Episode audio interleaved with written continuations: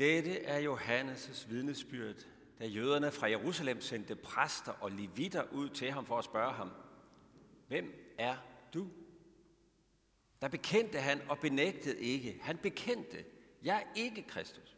Hvad er du da, spurgte de ham. Er du Elias? Det er jeg ikke, svarede han. Er du profeten? Nej, svarede han. Så sagde de til ham, hvem er du da? Vi skal have svar med til dem, der har sendt os. Hvad siger du om dig selv? Han svarede, jeg er en, der råber i ørkenen. Jævn Herrens vej, som profeten Esajas har sagt. De var udsendt af farisæerne, og de spurgte ham, hvorfor døber du så, når du hverken er Kristus, eller Elias, eller profeten? Johannes svarede dem, jeg døber med vand. Midt i blandt jer står en, som I ikke kender, han som kommer efter mig, og hans skorem er jeg ikke værdig til at løse. Det, det skete i Betania på den anden side af Jordan, hvor Johannes døbte. Amen.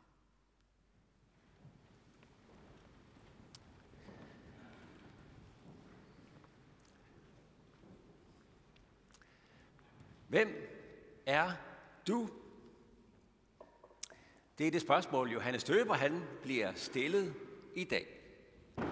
Hvis man nu lige øh, sådan stillede sig tre skridt tilbage og gav sig til at læse den her tekst uden at tænke på ja, konteksten, sammenhængen og, og sådan den bibelske historie som forudsætning, så tænker jeg, at det er det spørgsmål, der hopper op og bider det moderne menneske i hælen. Ikke? Hvem er du? Hvem er jeg? Vi skal ikke så langt tilbage i Danmarks historien for, at, øh, at det her det var sådan et spørgsmål, øh, som var forholdsvis nemt at svare på for de fleste, fordi så meget var givet på forhånd. Man var sat ind i en sammenhæng og en kontekst. Og der var ikke så meget bevægelsesplads. Din stand, din profession, dit mål i livet, ja, som end hvem du skulle giftes med, det, det, var, der sådan, det var der andre, der, der havde svar på. Rammen den hed Gud, konge og fædreland. Jens Jensens far hed rent faktisk Jens, og Anne Larsdatters far hed Lars. Dit navn knyttede, sig, knyttede dig til din far og gennem ham til slægten. Og skole og kirke, de knyttede dig til din himmelske far som et indiskutabelt udgangspunkt. Alt det har vi fået gjort op med og sat os fri fra i det moderne samfund. Og et langt stykke på vej må vi jo sige, og godt for det, For hvem er jeg? Det er jo ikke bare et spørgsmål, vi kan overlade til andre at bestemme. Det er ikke noget, der bare kan defineres af et personnummer eller et slægtstilhørsforhold. Og det at have Gud som far og stå i en levende relation til ham, det er jo heller ikke noget, der bare kan arves og dumpes ned på mig, uden at der er et selv, uden et selvstændigt jeg, der i frihed kan træde ind i den relation og tage imod den. En levende relation forudsætter et jeg, der kan relatere i frihed til et du.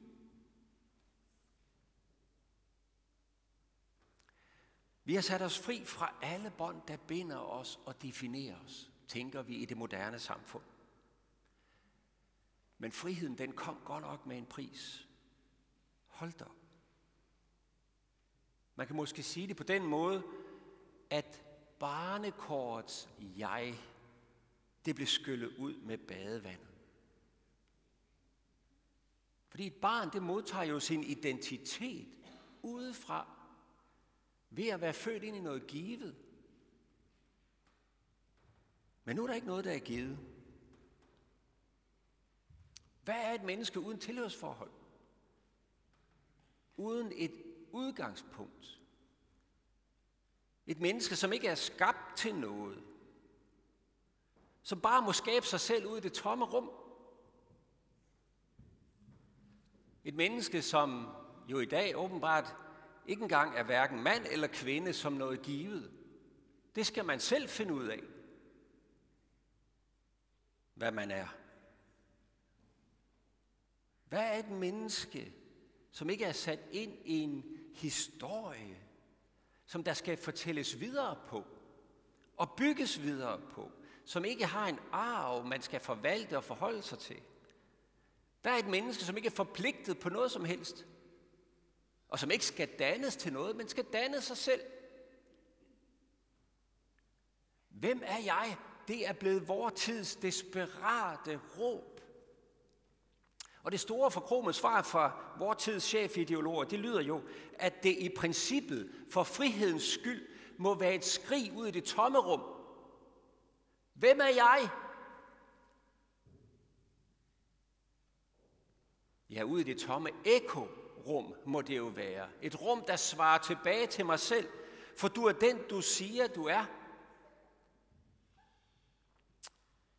Jeg kom til at lægge mærke til, at den her årets julekalender, Julefeber, den har en skøn melodi, som man ikke kan få ud af hovedet, når først man har hørt den.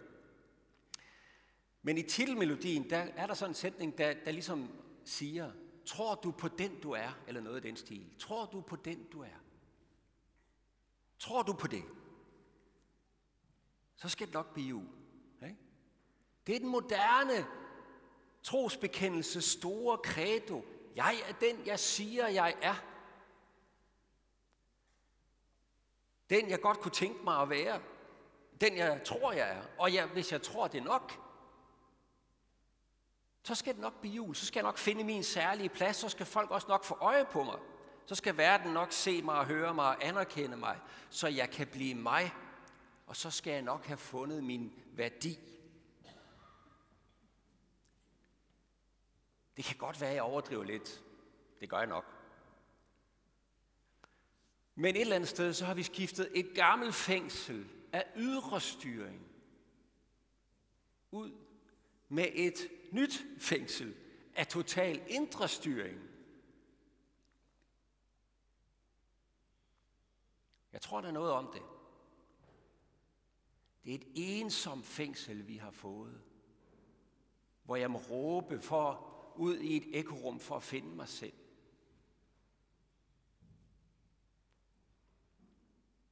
Prøv at lægge mærke til den næste store udfordring i den tekst, vi var i gang med fra Johannes. Johannes, han svarer dem her, der kommer og siger, hvem er du? Og så svarer han sandelig, midt i blandt jer står en, som I ikke kender. Han, som kommer efter mig, og hans skorem er jeg ikke værdig til at løse. What? Ikke værdig? Hvad, Johannes? Her modsiger du jo kernen i den moderne tro på menneskets egen iboende værdighed. Der er ikke nogen, der skal krænke mig og sige, at jeg ikke er noget værd i hvert fald. Jeg er ikke værdig. Kaldte Jesus dig ikke den største blandt menneskefødte, så siger du ikke værdig. Hvad er det for noget? Det rører ved vores angst. Det projekt, der ligesom er blevet lagt foran os i det moderne samfund, det er jo, at vi skal tiltage os vores egen værdi og insistere på vores værdi og bevise vores værd.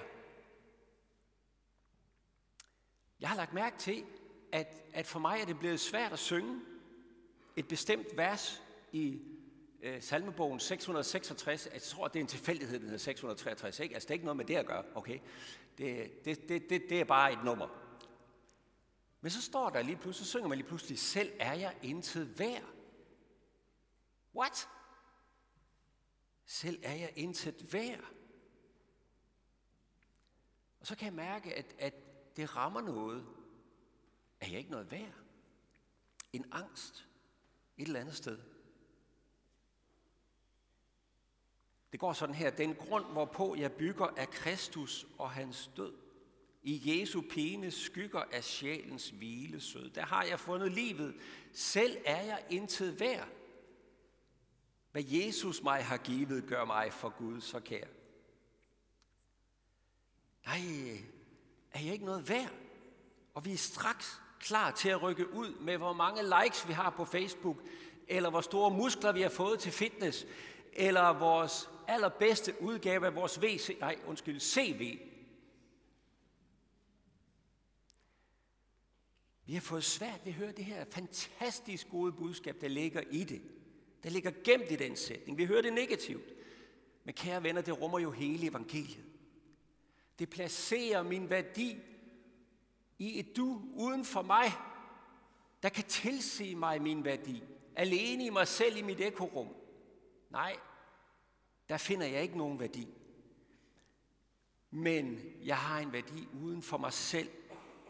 Det rummer en forkyndelse af, at min værdi ikke bygger på, om det nu lykkes mig at komme i mål med mine drømme og de forventninger, man har til mig. Om det lykkes mig at shine eller ej. Om den store verden derude liker mig eller disliker mig. Min grundlæggende, grundlæggende værdi bygger ikke på mine evner, ikke på mine sejre, ikke på samfundets anerkendelse, ikke på min popularitet eller genialitet, eller sågar min moralske habitus, min sociale status, ingen af de ting. Det taber jeg alligevel alt sammen i sidste ende. Men min værdi bygger ene og alene på, at jeg er elsket af Gud. Og elsket helt derud, hvor Gud han vil gå i døden for min skyld. Bare fordi jeg er. Bare fordi han har skabt mig. Han vil ikke miste mig. Han vil have mig hos sig til evig tid. Og han vil give mig en plads og en rolle, som er min. Det var det, Johannes han så tydeligt havde fået fat i. Han ved præcis, hvem han ikke er. I mig selv, der er jeg ikke noget værd. Det er han fuldstændig klar over. Selvom Jerusalems religiøse leder havde bemærket hans åndelige gennemslagskraft. Nej, jeg er ikke frelseren. Det er jeg bestemt ikke. Det vand, jeg døber med, det er altså bare vand. Men ham, der kommer efter, han, siger Johannes, er den levende Gud selv, der skal døbe med helligånd og ild, det vil sige med kraft, med sandhed. Det er ham, der kan flytte noget. Han, som kommer efter mig, har været der forud for mig, for han var til før mig, siger Johannes et andet sted om Jesus. Altså ikke engang i tid, så er Johannes nummer et, og Jesus han er så upgrade, ikke? han er nummer to. Nej, Jesus er den første og den sidste og det er ham, der bærer det hele. Og uden det er Johannes intet værd. Johannes ved, hvem han ikke er. Han er ikke verdens frelse, han er ikke ude på at score point, eller få en plads i historien, eller bevise sit værd eller sin egen dybe åndelighed. Men han ved, at det store evangelium, der er ved at bryde igennem, det lys, der skal til at skinne i mørket, det bygger ikke på hans værdighed og det, han kan komme med, eller på hans åndelige gaver, men det bygger på Guds evige kærlighed og hans plan for at frelse hvert eneste menneske. Og derfor handler Johannes i total frihed og glæde og fred. Også uanset om dem inde i Jerusalem, de måtte forkaste ham eller ej. Det spiller ingen rolle. For Johannes ved nemlig ikke bare, hvem han ikke er. Han ved også godt, hvem han er. Jeg er en, der råber i ørkenen, jævn Herrens. Johannes har forstået, at Gud har reserveret en plads i den store frelseshistorie netop til ham. Han er sat ind i en historie, der er langt, langt større end ham selv, som han kan bygge videre på og give sit bidrag til med de kald og de evner, Gud nu engang har givet ham. Og han kan sætte alt ind på den opgave, uden at have sig selv som centrum. For historien, han er sat ind i, har et andet centrum. Ham, der kommer.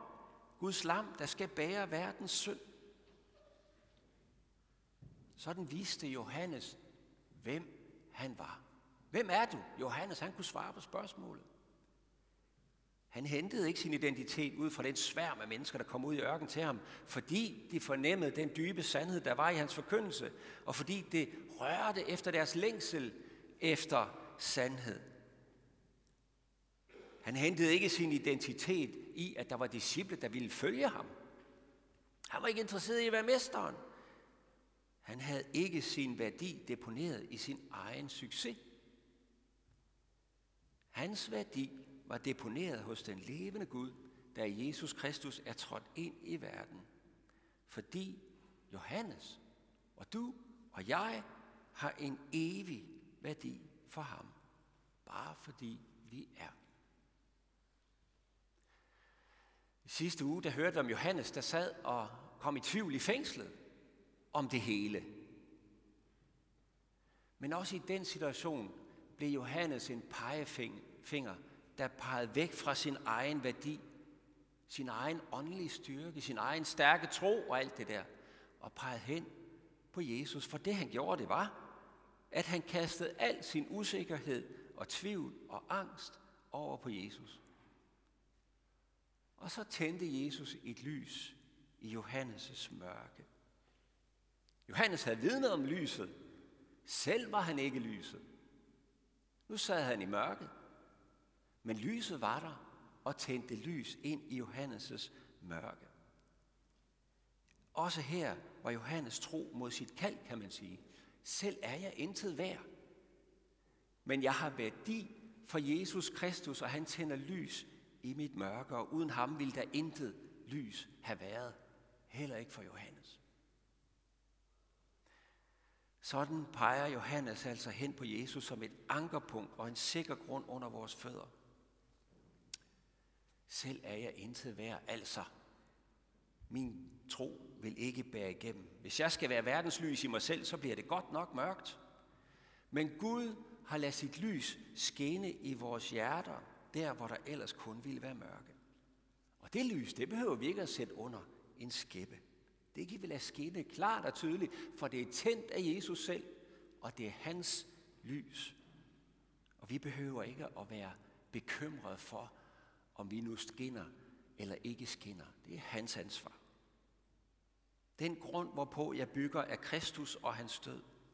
Der har jeg fundet livet selv, er jeg intet værd. Det vil sige, jeg ved, hvem jeg ikke er. Den, der ikke kan frelse sig selv. Den, der ikke kan vinde livet og vinde magt og ære, uden at sætte det hele over styr igen. Men jeg ved også, hvem jeg er. Jeg er den, der er sat fri fra synd, død og djævel. Sat fri fra at skulle skabe mig selv. Sat fri til at være mig selv. Og kaste alt, hvad jeg har fået af evner og gaver ind i det liv, Gud har givet mig. Jeg ved, hvem jeg er. En, der er defineret af Guds kærlighed. En, der lever under søndernes forladelse. En, der har fået plads i Guds riges historie, lige fra de første dage hen over Abraham og det hele og frem til i dag. Det skyldes ikke mig. Gud har givet mig et navn og sagt, at jeg er hans. Og givet mig en plads. Jeg ved, hvem jeg er.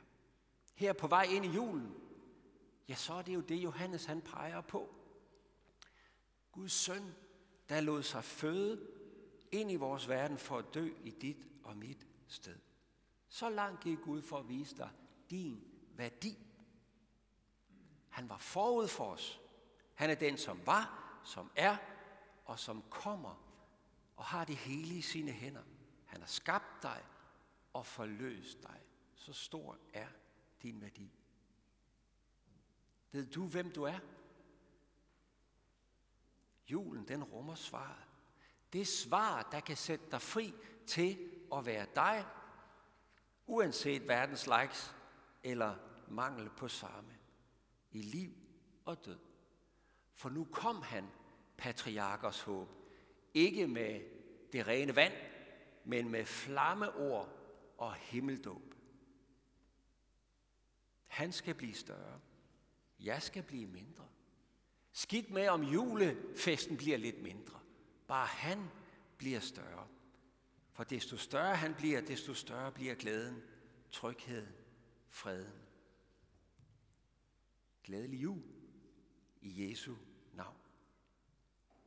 Vi vil med apostlene rejse os og tilønske hinanden, hvor Herre Jesu Kristi nåde, Guds, vor Fars kærlighed og Helligåndens fællesskab være med os alle.